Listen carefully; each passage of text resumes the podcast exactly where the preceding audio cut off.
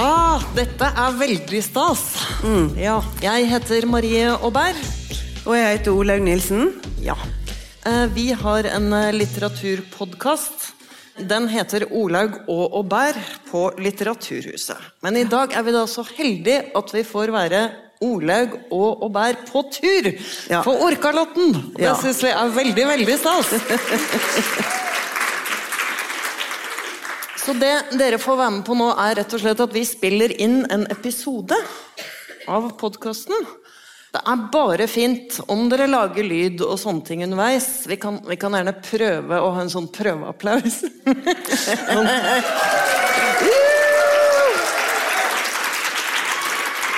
Men, men da må vi jo legge til at det er selvfølgelig lov å bue hvis dere hører noe dere Det er også liker. lov. Vi kan prøve med det òg. Ja! Veldig Flott! fint. Tusen Flott. takk. Vi skal prøve å levere litt, vi òg. Ja. Skal prøve det.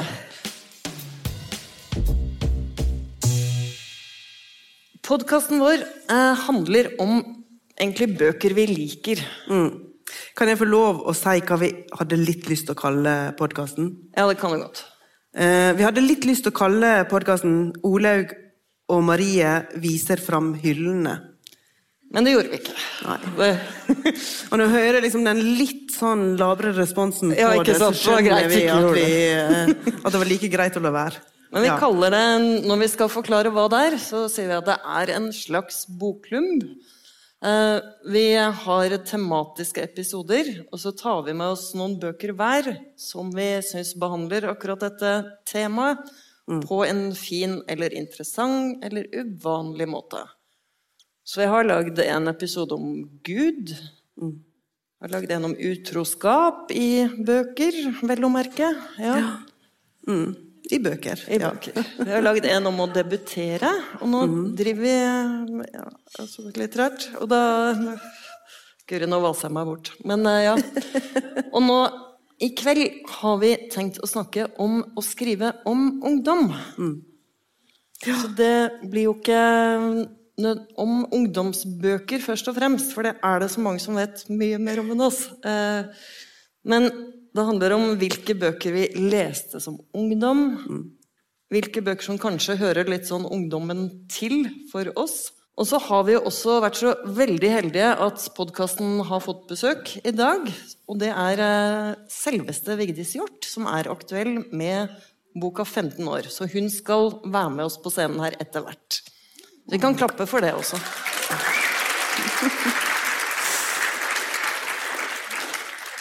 Vi pleier å varme opp med litt sånn personlig inngang til temaet, og da har jeg lyst til å spørre Olaug aller først som Hva slags ungdom var du da du var sånn rundt 15 år?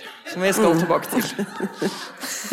Nei um, Jeg var Altså, det er jo veldig lenge siden jeg var 15 år, da, så det er litt vanskelig å tenke tilbake igjen. Men eh, jeg har jo da, som forberedelse til podkasten, hørt lydbok av 15 år av Vigdis Hjort, som handler om den etter hvert 15 år gamle Paula.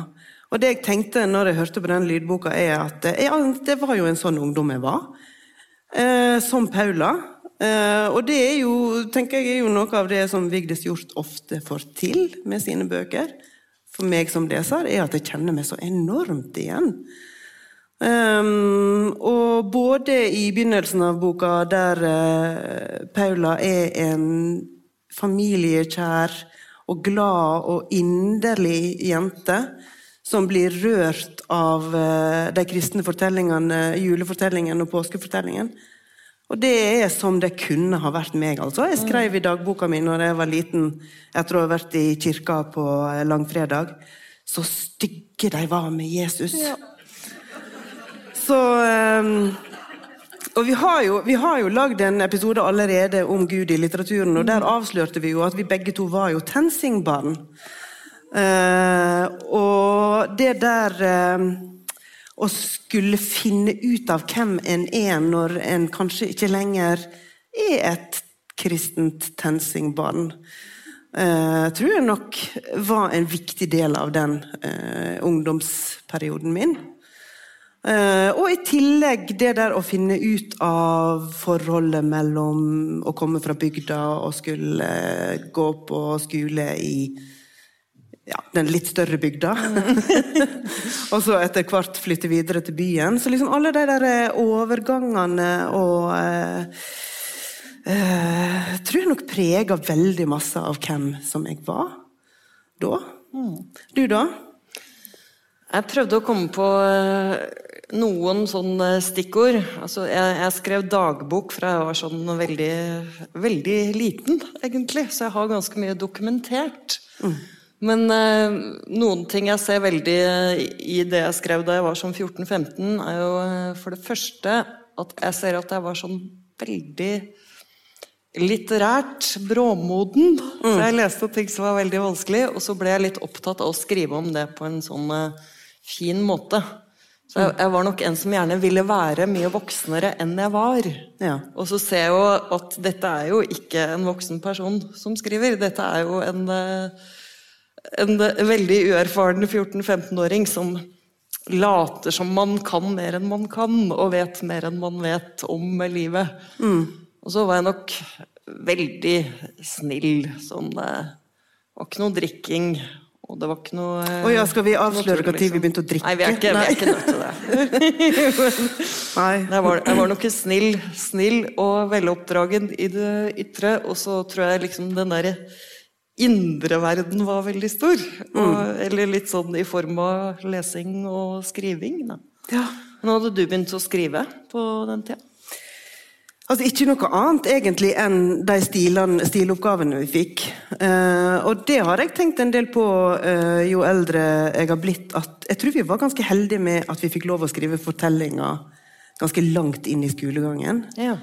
Eh, jeg skrev mange noveller på, på ungdomsskolen. Mm.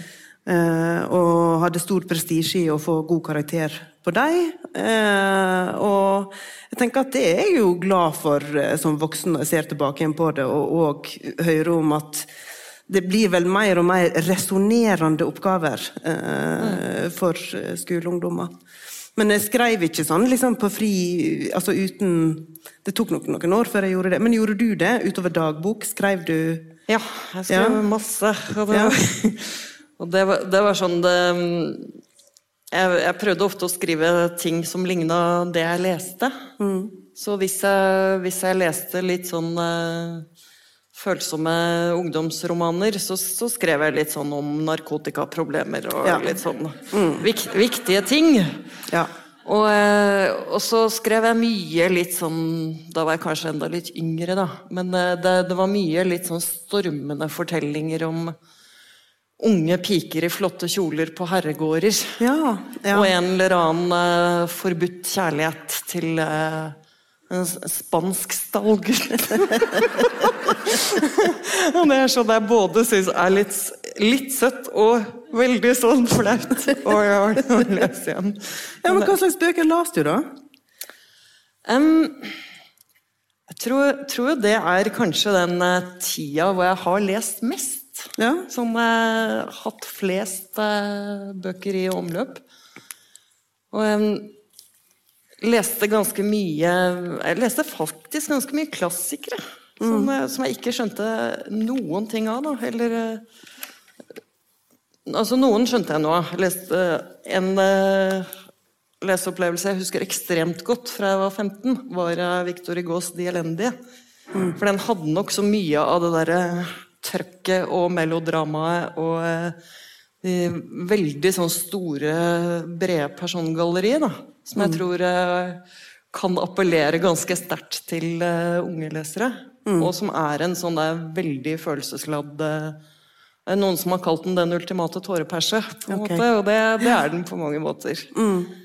Og så husker jeg prøvde å lese Anna Karenina, eller jeg leste den vel faktisk. Og den eh, bør man virkelig ikke lese når man er 14, for da skjønner man jo ikke noe som helst om liksom eh, eh, de mange irrgangene i ekteskapet og fallgruvene i utroskap og sånne ting. Men så skjønte jeg enda mindre Jeg, jeg prøvde også å lese sånn Sartre. Å ja, gjorde du det? Ja, du var way ahead of me, Ja, altså. Susanne Brugger, eh, og det, det skjønte jeg enda mindre av. Det har jeg lest helt siden. Men det, og så var det også litt sånn ungdomsbokklubben. Ja. Ja. For Ungdomsbokklubben, ja det gjorde jeg òg. Jeg var medlem av Ungdomsbokklubben. Ja. Og jeg veit egentlig ikke om den fins lenger.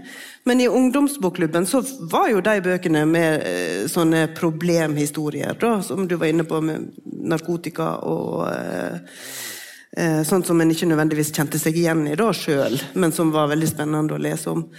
Eh, men de som jeg husker best fra Ungdomsbokklubben, det var to bøker som handla om jenter som lata som at de var gutter. Å ja. Og det er Ja, jo egentlig litt er fascinerende å tenke Ja, det var um, Ulf eh, Stark. Ulf Stark, ja, med 'Jeg tar sjansen'. Om uh, Simone som blir ved en feil Simon når hun begynner på en ny skole, og så tar hun sjansen på å være Simon. Og det samme med ei bok som heter 'Janne min venn'. Og Peter Paul. Ja, den hadde òg samme Han er altså en forfatter jeg husker godt fra den tida. Ja. Eh, men jeg eh, leste òg 'Mor streiker' av Ebba Haslund. Ja. Den leste jeg òg. Um, og jeg er ikke helt sikker på hvor gammel jeg var når jeg leste den, eller hva slags år den kom ut. Men den var i bok, ungdomsbokklubben. ja, den var i ungdomsbokklubben. Og det handla om ei mor til fire barn som stikker av fra familien for å gjøre opprør mot at hun får at alt husarbeidet feller på henne. Hun drar på sydentur. Hun drar på sydentur. Uh, og den gjorde selvfølgelig veldig inntrykk. Eh, og kanskje litt redd for at mamma skulle gjøre det fra sine fem barn. Så, Du gjemte den. liksom. Du gjemte den litt. Nei, nei hun, men hun las den faktisk. Og det òg var jo litt fint. ikke sant? Altså At det var ei bok som tematiserte noe som var i tida akkurat da. Fordi at uh, i den der brytningstida uh, For vi, jo, vi var jo uh, ungdommer på 80- og 90-tallet. Og det var jo i ei tid der barnehagene ble utbygd, og der flere og flere kvinner gikk ut i, i jobb. Så det var jo et aktuelt tema. Og det var nok også en periode hvor eh, ungdomslitteraturen behandla sosiale problemer på en ganske sånn tydelig og eksplisitt måte.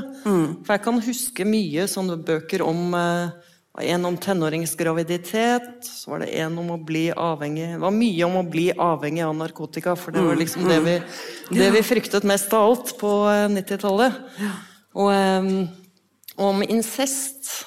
Ja. Agnes Ravatn har jo eh, hatt en betraktning om eh, at det var så mye litteratur om incest at hun trodde en stund at det var et ganske dagligdags fenomen. Men, eh, men sånn norsk samtidslitteratur oppdaga jeg nok mer seinere. Ja, sånn. Ja. Da jeg var sånn 17 og sånn, begynte jeg å lese Erlend Lo og Lars Saabye Christensen, men det tror jeg ikke var så lenge før. Nei.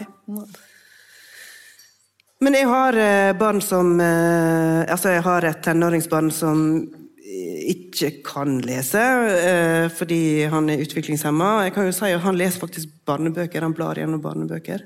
Og liker å flippe på bøker med, med, med taktile omslag.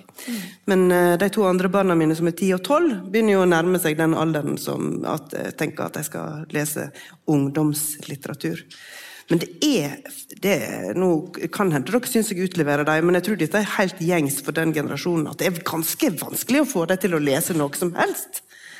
Det er, eh, det er så mange andre alternativ at det å skulle sette seg ned med ei bok og fordype seg i ei bok, det er ikke lett, altså.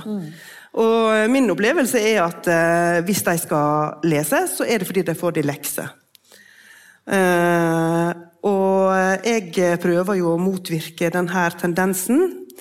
Blant annet med at jeg eh, Når vi kjører lange bilturer på ferie, så påtvinger jeg dem lydbok. Som da hele familien må høre på sammen, eh, sammen i bilen. Men jeg veit jo ikke hva som rører seg.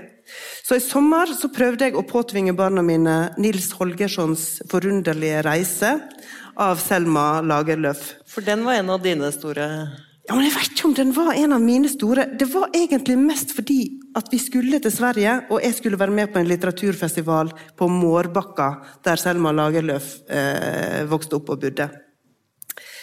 Men jeg ble jo helt vilt fascinert av å høre det der igjen. Eh, hus, er det noen her som husker den boka? Nils Holgersson? Ja, se her, ja. ja. Eh, for det handler jo om den lille Nils Holgersson, som er en ulydig og slem gutt. Og bare det at han er en ulydig og slem gutt, det tror jeg faktisk ikke så ofte skjer i barne- og ungdomslitteraturen. At det er sånn Altså I alle fall ikke at du omtaler det sånn. Nei, Men da han- ville du heller sagt at han hadde det vanskelig. Han hadde det vanskelig, og det kan jo Nei, godt hende at Nils Holgersson hadde det vanskelig, men her er han altså ulydig og slem. Og så eh, Jeg kan jo ikke ta hele handlingen, men i hvert fall så skjer det at han prøver å fange en nisse i en kasse. Eh, og når han da skal slippe nissen ut igjen, så slår nissen til han. Han slår han i svime med en ørefik. Og jeg ble sånn wow, wow, sånn, det er jo fantastisk. Og så våkner Nils Holgersson opp, og da er han en nisse sjøl. Ja. Og så, eh, eh, og så går han da ut eh, og, og skal prøve å finne ut av sin nye tilværelse, og så eh, sier hønsene Og dette er lydbok, kjempefint opplest av Espen Schønberg. Dette her blir, det, Anbefaler, anbefaler! Eh, og så sier hønene, når de ser han som nisse, og som nisse så forstår han hva de sier. Det har du godt av! Det har du godt av! og, så, eh, og så går han inn i fjøset, og alle kuene 'Det har du godt av! Det har du godt av!' Og bare de, jeg, jeg ble sånn vilt fascinert, fordi at det føltes så fremmed, men likevel sånn utrolig forfriskende. Og boka er jo Nils Holgersson sin dannelsesreise, egentlig, som den lille nissen. For at han må jo finne ut sjøl. Eh, altså Han må jo bli voksen sant? Ja. Og, og, og bli stor igjen. Så det er jo helt fantastisk. Men ungene mine syntes jo bare dette var helt Og, og de nekta å høre videre og syntes at det var liksom helt forferdelig grusomt. Og så endte det jo med at vi hørte på sånn. Minecraft-sanger isteden i bilen. Men når vi kom frem til Mårbakka, så er det da en sånn liten gå... Altså, for det skjer jo videre at han rir på en, gås og reiser med en gåseflokk over Sverige. Så det er gås og en figur av eh, nissen Nils Holgersson på Mårbakka. Og da, eh, jo, da, da klatra de rundt på den gåsa og ropte 'Det har du godt av! Det har du godt av!' Så eh, litt kultur fikk jeg eh, tvinga inn i dem på, den, eh, på den bilturen. Det er godt. Ja. Mm. Det var en lang historie om Nils Holgersson.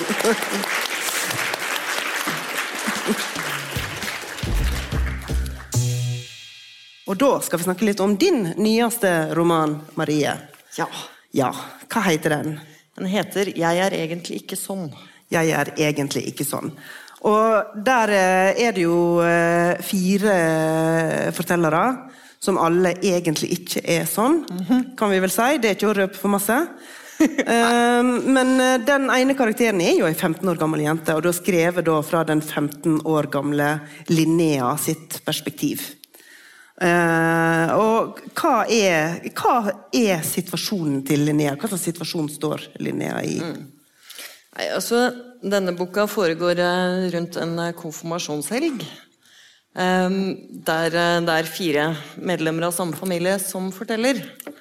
Um, Det er Linnea selv, så er det faren hennes som heter Bård, tanta som heter Hanne, og bestefaren som heter Nils. Men, eh, så det foregår sånn fredag, lørdag og søndag. Men Linneas eh, eh, historie altså Det her handler på ulike måter om personer som ikke kjenner helt igjen seg selv lenger. Altså De blir sett på en eh, helt annen måte enn de er, er vant til. Og eh, selvbildet deres eh, endres veldig kraftig. Og Linnea er da i den ulykkelige situasjonen at hun er blitt dumpa av ei venninne. Og eh, hun er en sånn 15-åring som ikke har så veldig mange. Altså, og eh, foreldrene hennes er ikke helt klar over det. De eh, har et litt sånn bilde av henne som en litt sånn populær, og ting går bra for henne, og hun synger i TenSing og litt sånne ting. Mm. Men, men hun har egentlig brent litt alle broene sine for å eh, få inn aksjer hos Ingrid, som er en litt eldre og ganske manipulerende venninne. Så når boka starter, så er hun litt sånn eh, blitt, blitt dumpa. Hun får ikke noe svar på meldinger, eh, og Ingrid hilser ikke og sånn. Gått fra å være litt sånn varm og nær til, til å gi kald skulder. Og um, så Linnea mister verdigheten her. Så hun eh, Ingrid kan ikke fordra at folk er needy og uh, som pågående, men mm. Linnea blir dermed akkurat det. Ja. Og så er jo det her to dager før Linnea sin konfirmasjon. Ja, Og der har hun grinet seg til at Ingrid skal servere, så det er ekstra fælt. Ja. Så det er, noe, det er ikke en konfirmasjon hun gleder seg til i det hele tatt. Men nå er jo du eh, ja tre ganger så gammel som den karakteren. Nei, det er ikke du. Unnskyld. Du er dobbelt så gammel Ikke langt unna tre, vi kan si det. Du er en del eldre enn 15 år. ja. uh, og hvordan jobber du med å, å liksom finne den stemmen, da? Eller jobbe fram Linnea som karakter? Uh, altså, jeg syns jo faren ved å skulle være 15 er at du lett blir en litt sånn voksen i en 15-årig ham, på en måte. Eh, så eh, det var jo litt sånn finne fram den 15-åringen jeg hadde vært, på en eller annen måte. Selv om hun ikke er så lik på alle mulige måter. Men å huske litt sånn hva var det som var viktig? Hva var det som var fælt? Hvor vondt kunne det gjøre? Hvordan eh, Hva slags store eksistensielle ting er det som settes i gang av, eh, av litt sånn små, tilsynelatende uviktige venninnedramaer? Um, luka ut en del sånn eh, at hun hadde mye engelsk språk og sånn i starten, for det kjente jeg at jeg rett og slett ikke beherska på samme måte som de 15-åringene som er nå. Nei, for du kunne jo ikke bruke lingoen fra din egen Nei, det, ungdomstid. nei, det funka heller ikke. Nei. Så det måtte være et litt sånn språk som kjentes litt eh, ja, inni henne, da. Mm. Men eh, gå, fikk brukt litt sånn TenSing-fortiden også. Ja. Eh, For det er fremdeles noen som går i TenSing. Jeg syns vi skal eh, ta opp eh, kveldens Ja. hovedgjest. For det er jo en annen som òg har skrevet om konfirmasjon. Ja. Og vi har jo allerede røpt at det er Vigdis Hjorth. Eh, og vi har begge Vi har begge lest 15 år, som handler om Eller som, som kulminerer i Paula sin konfirmasjon. Og vi er veldig begeistra. Ja, den, eh, den, den tror jeg vi begge var sånn veldig begeistra Ja, for. faktisk. ja, vi er det. Så nå vil vi jo Vi gleder oss Ja. til å ha Vigdis Hjort med på scenen. Velkommen, Vigdis! Takk, takk. Takk. Hjertelig velkommen til oss. Takk, takk. Så hyggelig. Vi har, eh, ja, som sagt, så eh, er vi meget glad for at du kunne komme hit i dag. Og eh, vi skal snakke om det å skrive om en 15-åring, som du har gjort nå. Ja. Kan vi fortelle litt kort om at vi har allerede fortalt at det er Paula som er hovedpersonen i denne romanen. Den forteller jo om det smertefulle og veldig storslagne i å løsrive seg fra litt sånn sin egen familie og bli seg selv. I starten er Paula litt yngre enn 15 år. Veldig glad i knytta til familien sin. Nyter veldig sånn nærværet av dem gjennom både som hverdager og høytider. Men hun får en eh, sånn stadig større distanse til eh, moren, faren, søsknene, eller i hvert fall søsteren, etter hvert.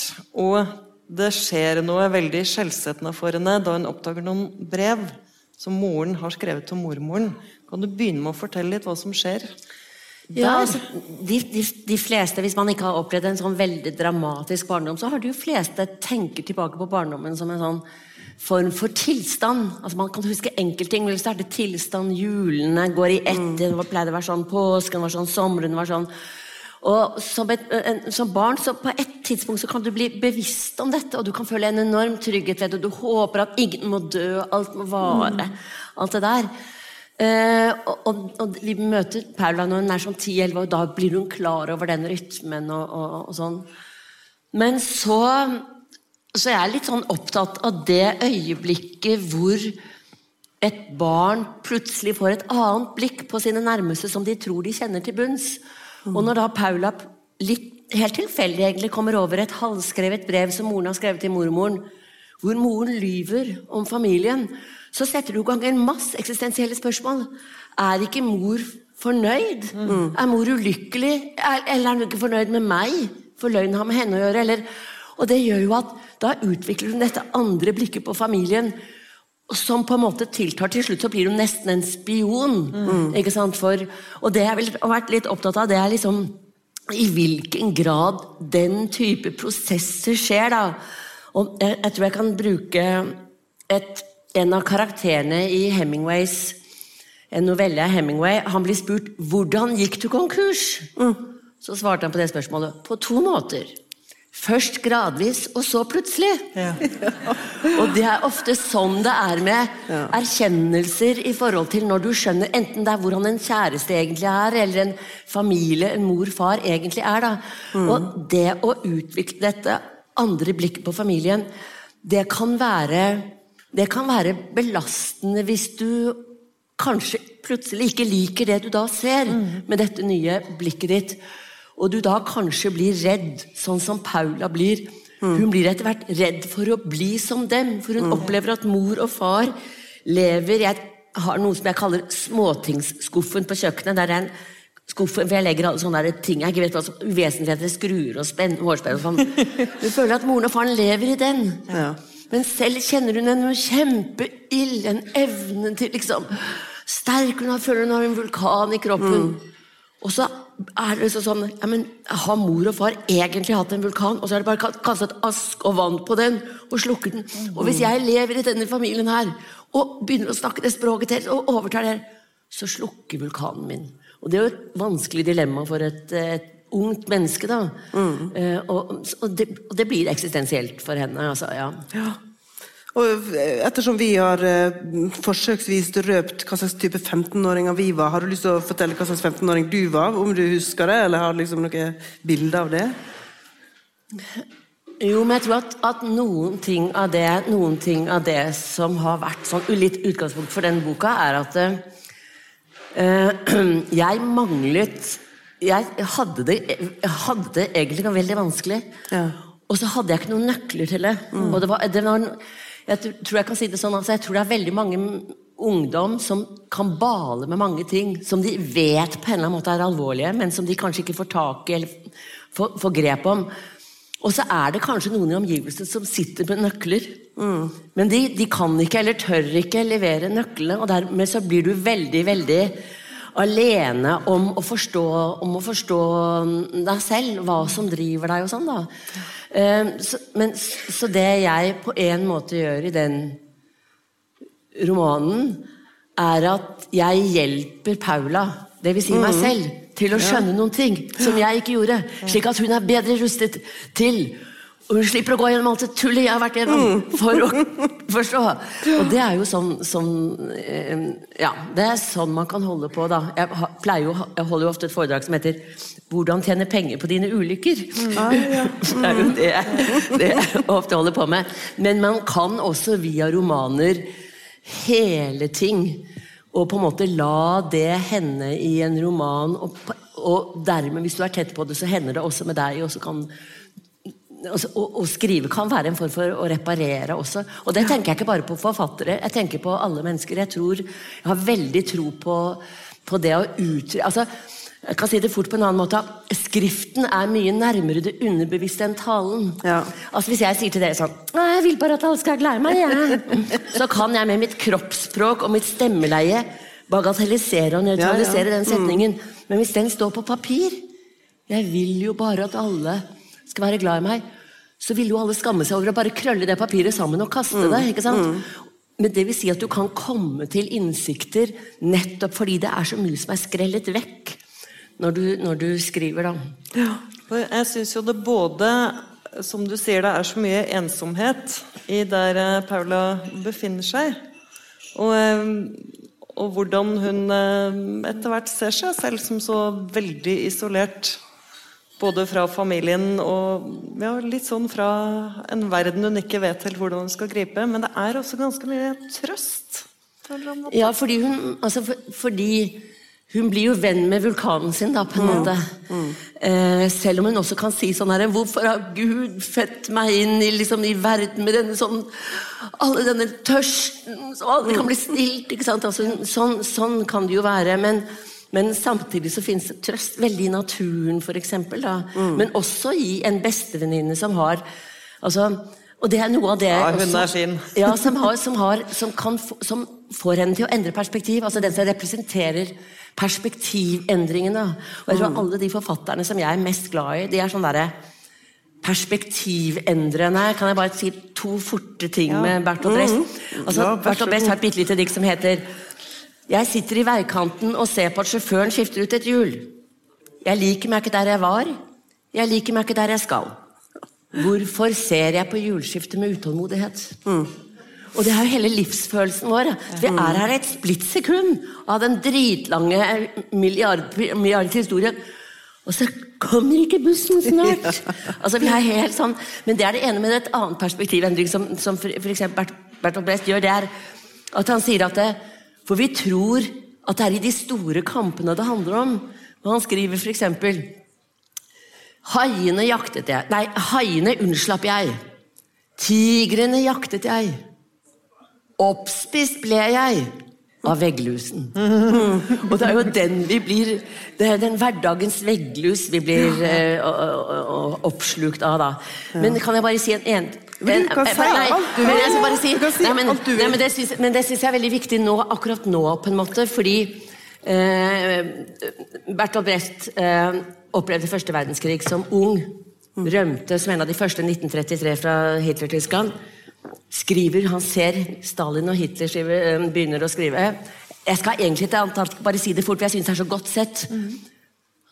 Hitler og Stalin snakker, så skriver Bertolt Brecht to setninger. Regjeringene skriver fredsavtaler. Lille mann, skriv testament.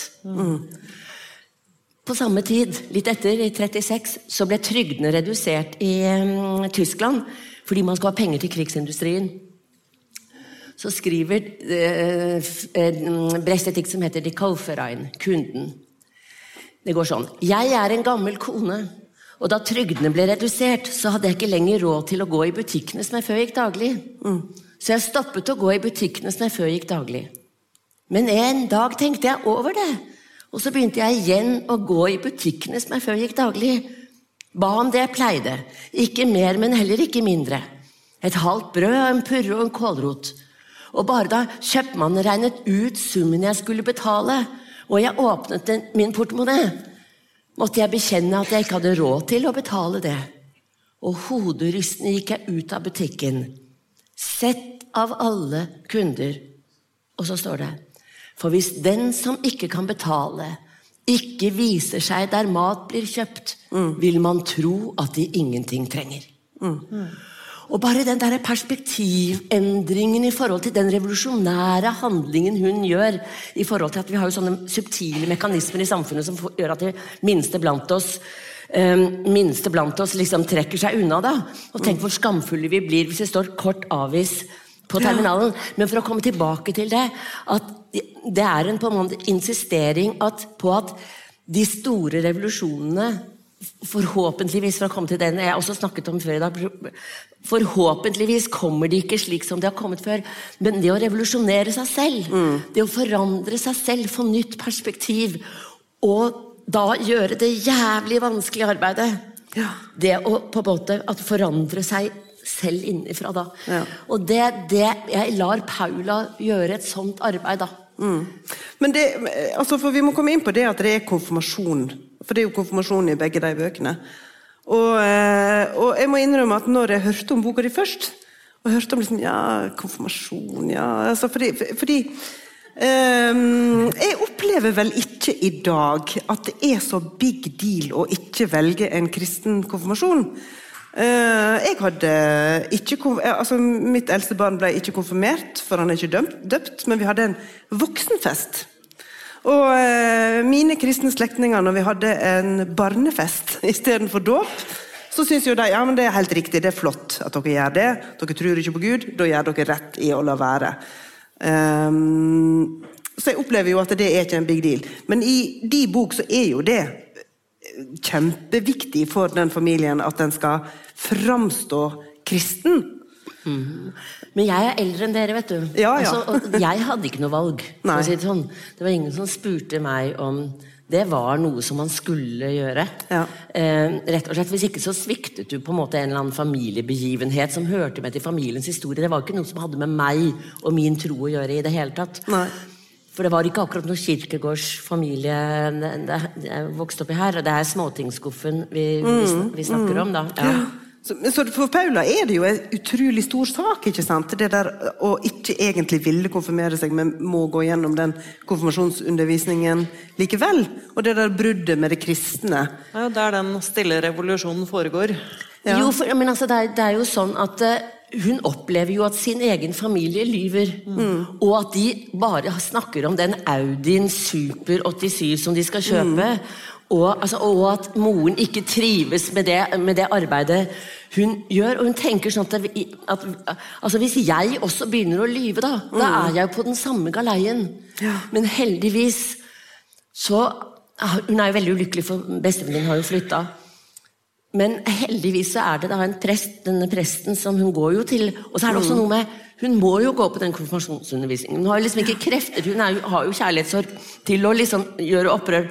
Og hun kan ikke, la, hun kan ikke flytte hjemmefra heller. Nei. Altså Du er 14-15 år, så må du, må du bare gå hjem, liksom. En ganske sånn fortvilet alder på den måten. Ja, fordi du, du kan føle og se avstand, men du kan ikke rømme, Og liksom. så er det så lenge til du kan det. Ja, så nei. For- Men i hvert fall så Så denne presten ser at hun har det vanskelig, så hun, han sier jo liksom sånn Ja, du må, kan bare fortelle hvis det er noe til meg, da. Og så på et tidspunkt så sier hun da liksom at eh, hun kan ikke konfirmere seg egentlig fordi hun, hun ikke tror på Jesus og Gud og sånn. Og så Først så prøver han å bagatellisere det litt. altså Det er, det er ikke så farlig i dette tilfellet. og sånn da. Men så skjønner han at dette er alvor for henne. Og det, Jeg skal ikke røpe hva som men jeg kan bare si for jeg synes liksom at han hadde en ganske god idé. da, og det er for han sier, Men jeg har tenkt på det siden den tirsdagen kommer opp der. da. Jeg konfirmerer deg, men så konfirmerer jeg deg ikke. Ok. Jo, altså du skjønner at når man, konfirmantene skal gå opp i kirken i sånne hvite kappene, så går de opp i to rekker, og da er du den første på venstre side. Ok? Jo, for når alle konfirmantene går opp sånn, så ved altergangen så snur de sånn, sånn, så går de seg ut og setter seg på de to reserverte benkene, første benkene. Og så begynner jeg å konfirmere fra den siden, fra høyresiden sånn. legger hodet på hver. Og alle i kirken er bare opptatt av sin konfirmant. Så den familiens konfirmant er ferdigbehandlet, ferdig konfirmert. Så begynner de å tenke på steiken i ovnen og fromasjen i kjelleren og sånn. Og etter hvert som det blir flere og flere som jeg konfirmerer, så blir det mer og mer uro i salen. Og hvor mange, veldig mange konfirmanter de skal konfirmere, og vi må snart gå. Så når jeg kommer helt til deg, så er det ingen som, som, som, som legger merke, merke til det, liksom. Men Det er veldig dramatisk og spennende scene, det der, altså. For jeg tenkte jo underveis at ok, ja, presten sier det, men det kan jo hende at de får det med seg likevel. Så det er jo en sånn der usikkerhet i den scenen om det er en ekte konfirmasjon, eller altså, eh, om det blir oppdaga. Den her eh, fake skuespillet blir oppdaga. Men, men det er jo for hennes familie heller ikke opptatt av, for de er bare opptatt av formen. ikke sant? Så Hvis de hadde vært kristne i den, den kirkegårdske forstanden, Ekte forstanden, den inderlige ja, måten å være. så hadde ja. det jo, da hadde det jo vært tragisk. Men hun vet jo såpass mye om dem at, de, at de er jo ikke opptatt av det. Det er bare formen. Men det er vel litt sånn i konfirmasjonen til Linnea òg, eller de er jo de er kristne, den familien er kristen, eller er det Litt sånn halvveis, på en Ja, måte. men Linnea er kristen. eh, Ja, hun, Ja. eh, hun går i kristen kor, og hun er litt, er litt der, på en måte. Ja. Men, uh, men for eh, akkurat der er temaet mer eh, den der eh, balansen mellom ensomhet og fellesskap. Og hvor eh, Linnea hele tida lengter veldig etter et fellesskap med noen som ikke vil gi henne det. Da. Og, det og det er da i form av eh, den venninna. Så eh, Men hvor hun på et tidspunkt i løpet av konfirmasjonen ser på alle i familien sin og faktisk har et litt sånn glimt av fellesskapsfølelse med den. Og særlig med den eh, litt sånn outsider-tanta, Anne, som litt kommer til unnsetning etter hvert. Ja. Så, men jeg tenkte jo eh, veldig eh, Da jeg leste din bok også, at eh, ensomheten og fellesskapet er jo noe som går eh, veldig sånn hånd i hånd her. Eller, og det gjør det i mange av dine bøker. Altså det med løsrivelse Når er man blitt Når kan man bli seg selv? Og samtidig, hvordan kan man eksistere sammen med andre? Men jeg du kan jo kanskje røpe litt av den uh, veldig fantastiske talen som Paule holder etter hvert i sin konfirmasjon. Ja, nei, men hun, hun, hun, hun bestemmer seg for å være ærlig, da. Så hun strekker på en måte hånd, en hånd ut til dem. Hvor hun sier at hun på en måte Hun er jo glad i dem, for hun har ingen andre å være glad i, men, men hun kjenner, føler ikke at hun kjenner dem. Men kanskje vi kunne bli litt kjent, liksom. Noe sånt. Men den blir jo ikke tatt imot.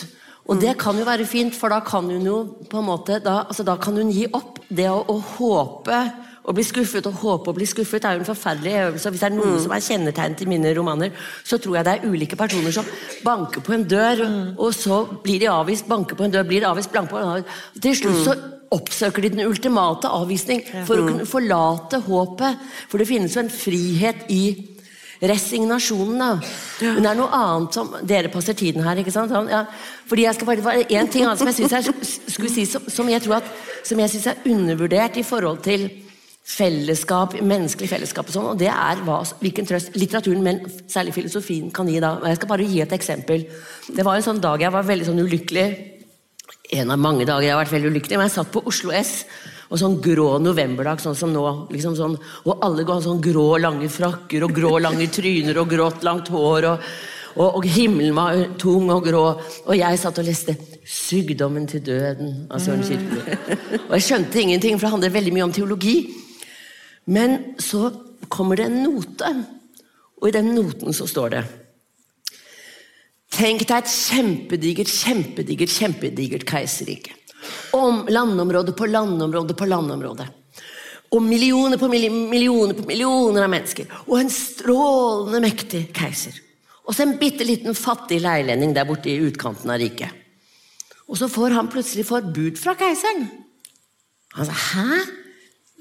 For kei vet keiseren at jeg fins? Ja, ja, ja, ja, ja, ja. Han vil gjerne møte deg.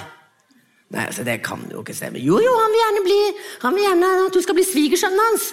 Nei, altså, dette kan ikke stemme. altså. Hvis jeg begynner å tro på det her, så kommer jo alle til å le av meg og gjøre narr av meg bak min rygg. Og jeg kommer til, og hvis jeg tror på dette her, så blir jeg karikert iblant. Jeg kommer til å bli ulykkelig hele mitt liv. Og så står det det skal mot til å tro at det høyeste vil deg noe. Og da er jeg så vågt, jeg er på Oslo. Jeg, sånn, jeg er ikke religiøs, men det sånn Det høyeste vil meg noe. Og jeg har gått ut liksom og så på mine medpassasjerer. Det høyeste vil deg noe. Det høyeste vil deg noe. Og, men det er sånn altså, det er når, I møte med filosofi eller enkeltlitteratur, Ja. da får jeg den følelsen, og det er en sånn Det er en fantastisk fantastisk følelse av at Og hvis det finnes noe høyere eller, ja, Et stort ansvar og inderlighet ved å være et menneske på jorda. og være det eller som Kirkegaard sier, det er så mange mennesker som bor i kjelleren hos seg selv, selv om det er ledig i de øvre etasjer. Hvor utsikten er fantastisk, og perspektivet er evigheten, liksom, så holder vi til der nede, da. Og det er der jeg prøver å dra opp veldig mange av hovedpersonene mine. Opp fra kjelleren, Ja. og litt lenger opp i etasjene, da. Jeg merker nå at det å spørre deg Ja. altså, Vi skal om ikke lenge runde av, men vi pleier jo i eh, vår podkast å anbefale litt bøker. Eller vi tar med noe som er spesielt tilknytta det, det temaet vi har snakket om. Og vi har jo snakka litt om eh, leseopplevelser fra da, da, vi, da vi var 15 år. Men eh, har du noen sånne leseopplevelser du husker spesielt godt fra da? Ja, og det er fordi at jeg vokste ikke opp i et hus med mange mange bøker. Men mine besteforeldre var danske og bodde i etasjen under oss. Og de hadde, som alle dansker, hadde de Tove Ditlevsen i Ja. bokhylla. Og da jeg var sånn 11-12 år, kanskje litt eldre, jeg vet ikke, men da leste jeg i hvert fall 'Barndom' av Tove Ditlevsen. Hennes em, selvbiografi fra den fattige eh, oppveksten i arbeiderstrøket i Istedgate i København. Stor fattigdom og sånn. Og jeg kan bare fortelle en veldig kort scene som forteller noe om liksom, hennes genialitet. da. Og det, det står sånn det, det, står på side ti. Jeg var syv år da ulykken rammet oss. Mm. Bare den begynnelsen. Da blir du sånn. Mm. Det var en sånn fin dag. Så fint vær, og jeg hadde fått en ny strikket genser. Den var grønn. Og min mor og jeg skulle som alltid gå for å møte min far når han kom ut fra fabrikken Riedel Co. Og vi sto der og ventet ved fabrikkporten av Riedel Co. Men denne dagen ser han helt annerledes mørk ut i ansiktet når han kommer. Og mor, min mor spør, 'Ditlev, hva har skjedd?' Og han svarer, 'Jeg er fyret'. Altså, jeg er oppsatt. Mm. Så står det, 'Ridel og co., hvorfra alt hittil hadde kommet, helt ned til min egen søndagsfemøre, hadde nå spyttet min far ut av sitt gap, likegyldig med ham hans skjebne, hans familie, meg og min nye grønne genser. Mm. Og det er liksom én scene, og Vigdis på 11-12 forsto noe om arbeidsledighet. Ja. Og er, den er en bok som jeg faktisk anbefaler veldig sterkt, sammen med da barndom, ungdom og gift, da, som er en tredje, som jo da handler om alle ekteskapene. Alle mine, dine, våre barn. Mm. Narkomanien, alkoholismen, ekteskapet, utroskapet at hun stifter de frigides Frigide kvinners klubb. Men lurer på hvordan man skal være frigid på en aktiv måte. Mm. Trenger faktisk ikke lese noen andre bøker enn den. For den har alt. Er det et godt sted å avslutte? Jeg tror det er et fantastisk sted å avslutte. For nå har vi fått hele verden i ei bok. Fra, ja. Tusen takk for at dere har vært med oss eh, i Tromsø. Dere har vært et supert publikum. Og tusen, tusen takk til deg, Vigdis Hjort, for at du kom og var med oss. Takk for at jeg fikk komme.